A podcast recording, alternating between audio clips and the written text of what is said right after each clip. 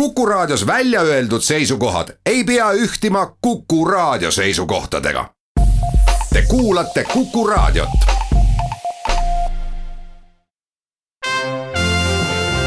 Tallinna Filharmoonia esitleb Filharmooniline huvitaja kuku raadio saade on jätkumas aasta esimese filharmoonilise huvitaja minutitega ja meil on ütlemata hea meel täna rääkida isegi kolmest asjast. me räägime ühest kontserdist, tutvume ühe interpreedi ja tutvume ka uute tehnoloogiliste võimalustega. alustame sellest teisest ja räägime interpreedist, kes on meile täna Filharmoonilise huvitaja stuudiosse külla tulnud, selleks on kontrabassimängija Andres Kungla, tervist. Tervist. Andres, alustame sellest, kui kaua sa oled pilli mänginud, kaua sa oled Tallinna Filharmooniaga seotud olnud ja millistes kollektiivides sa veel mängid? pillimängu, ma ei tea, kuskohast seda peaks nagu arvestama. no ikka laste muusikakoolist.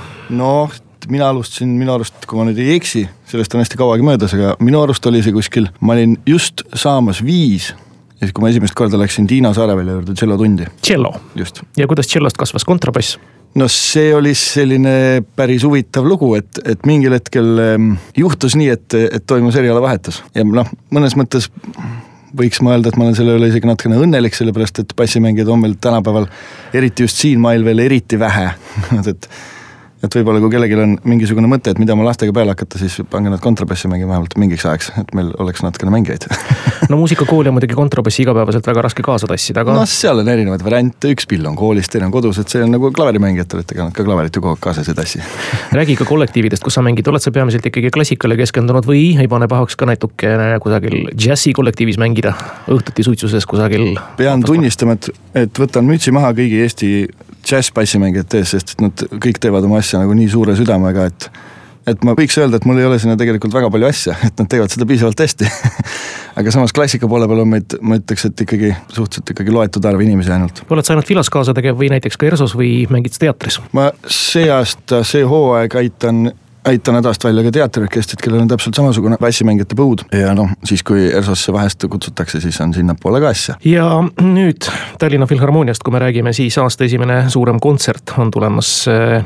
solisti ja dirigendiga, kelleks on Janne Nisonen. kellega on tegemist, nimi veeredab, et tegemist on soomlasega. tõepoolest, sümfonieta Eh, kontsertmeister, kes on tegelikult seal päris palju kaasaegse muusikakollektiive rajanud, asutanud ja kes on seal ütleme niimoodi, et õppinud parimate juures ja on saanud ka täiesti absoluutseks parimaks. kes sealt on üldse võtta, selles mõttes, et kõik, mida ta teeb, on siiamaani täiesti nii aukartust äratav, et mina, mina isiklikult väga ootan selle inimesega kohtumist, sest mul ei ole veel olnud au temaga koos töötada aga küll, aga ükskõik kuhu sa lähed, ükskõik millisele mandrile, sellest mehest on igal pool olnud kuulda ja mitte ainult siukseid keskpäraseid sõnu, vaid ainult ikkagi ülivõrdes. no tema on nüüd muusikute maailma selline hunt kriimsil, ta on dirigent, ta on kontsertmeister, ta mängib ise viiulit ja on väga hinnatud kammermuusik ka. siukseid mehi meile see hooaeg on kuidagi õnnestunud eh, nii hästi, et meil on neid tulnud, sest et see eelmine härrasmees, kes meil käis, see on ka täpselt samasugune multitalent, et kes suutis veel sinna juurde veel laulmist ka täiesti perfektselt vallata. tea, kas ta oma pealt kolmesaja aastase viiuli ka kaasa võtab, ta mängib sellise raritat pilliga nagu Nicolo Galliano. no ma arvan, et siia, siiamaale, kui ta, kui ta just Soomest tuleb, ma ei tea, kui ta võib-olla kuskilt mujalt tuleb, aga ma arvan, et kui ta Soomest tuleb, siis ta vast ikka võtab. Teil ei ole siiamaani juhust olnud siis kohtuda, proovi teha, vaadata, kuidas?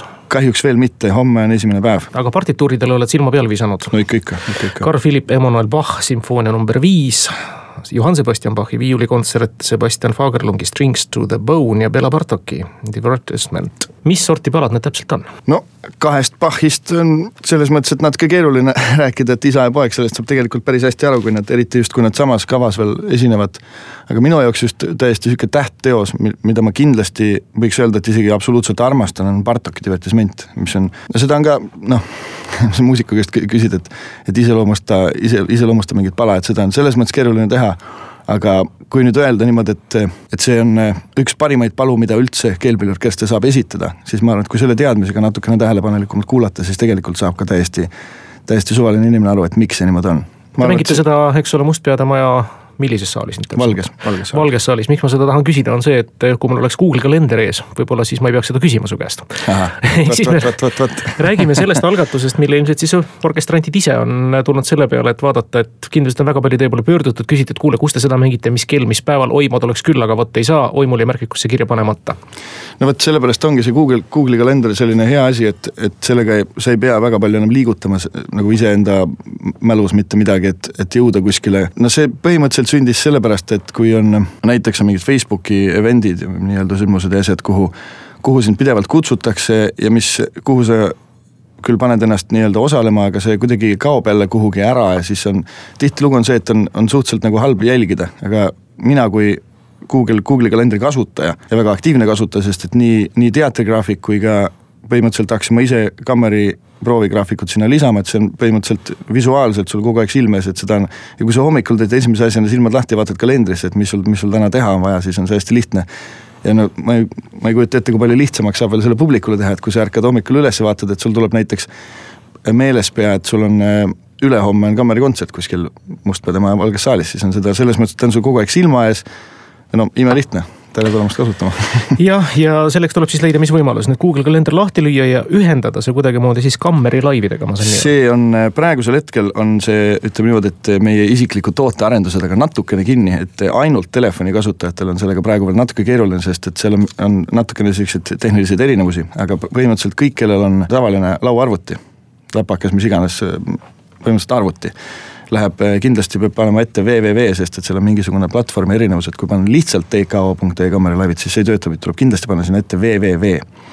ja siis www.tko kaldkriips Kammeri laivid. Ja siis, kui sa lähed sellele aadressile, siis ta viskab sulle sellesama Kammeri laivide kalendri ette. Ja esimene asi, mis sulle sinna ette tuleb, on lihtsalt lisa või siis inglise keeles add ja siis piisab sellest, et, et vajutada sinna peale ja põhimõtteliselt ongi kõik. see kalender on sinu Google'i kalendrite hulgas, ta on seal eraldi, mille saab eh, vajaduse korral välja lülitada, siis kui sa ei taha seda just igapäevaselt vaadata või siis, kui sul näiteks tekib sihuke tunne, et et see nädalavahetus mul võiks midagi sihukest eh, kultuurset teha, et miks mitte minna näiteks kontserdile, paned selle kalendri jälle, klikid sinna peale, paned, teed selle aktiivseks ja siis on kohe plaksti näha, et oo näe, kammerorkestril on laupäeval kontsert milles küsimus, aa ma laupäeval ei jõua, aga ma olen pühapäeval Tartus, aa neil on pühapäeval Tartus kontsert, ma olen hoopis Tartu kontserdil, et eh, niimoodi ta ideaalis töötab. jah, nagu sa ütlesid, tootearenduse taga on veel nii mõndagi, aga ma usun, et usutavasti töötate selle kallal kohe usinasti ja näiteks miks Loodame... mitte ühel hetkel ka Tough Clubi asjad sinna juurde lisada? jah, näiteks miks mitte, et jah, varsti loodaks, et, et saab selle lahendada niimoodi, et ka ainult telefoniinimesed saavad seda, sest praegu see on natukene komplitseeritud, et kui sul on ainult telefon. Andres, räägi lõpetuseks Tallinna Filharmooniaga sidumine ja teatriski mängimine ja natukene ERSO-ski, kui kutsutakse, kas see rahuldab sind täielikult või on sul ka muusikuna veel natuke kõrgemaid ambitsioone kusagile jõuda? või sa näed endas praegu seda missiooni, et täidad selle põua praegu ära, mis on bassimängijatest? no bassimängijate põude täita on muidugi alati ka tore, aga eks mul ole kindlasti nii mõnedki muud ideed, mis puudutab võib-olla natukene väljaspool muusikat. nimelt on mul kindlasti plaan uuesti kooli minna, vähemalt ühe korra. mida õppima? seda veel vaatab aga no idee oleks ajakirjanduse poole ja siis on selline tore kursus nagu kultuuriteooria. noh, nagu siinkõneleja jutust selgub, ega meil kultuuriajakirjanikke selliseid tõsiseid kultuuriteooria tundjaid, ega neid on meil vähevõitu küll, nii et väga tore, kui sa seda rida ka täiendaksid ja seda põuda nii-öelda leevendaksid, meil oleks ainult hea meel. noh, neid ideid on tegelikult palju, mida inimene nagu ühe eluaja jooksul jõuab teha, aga siis on ka see praktiline variant, et kui palju sa nendest reaalselt realiseerida jõuad, et see on nagu iseasi sinu lahkel loal, kui sa juba siin välja tõid, et selle imelise pala Bela Bartoki divertismendi, kuulame siis lõigu sellest. tänase Filharmoonilise huvitaja lõpetuseks, aitäh sulle stuudiosse tulemast suur,. suur-suur aitäh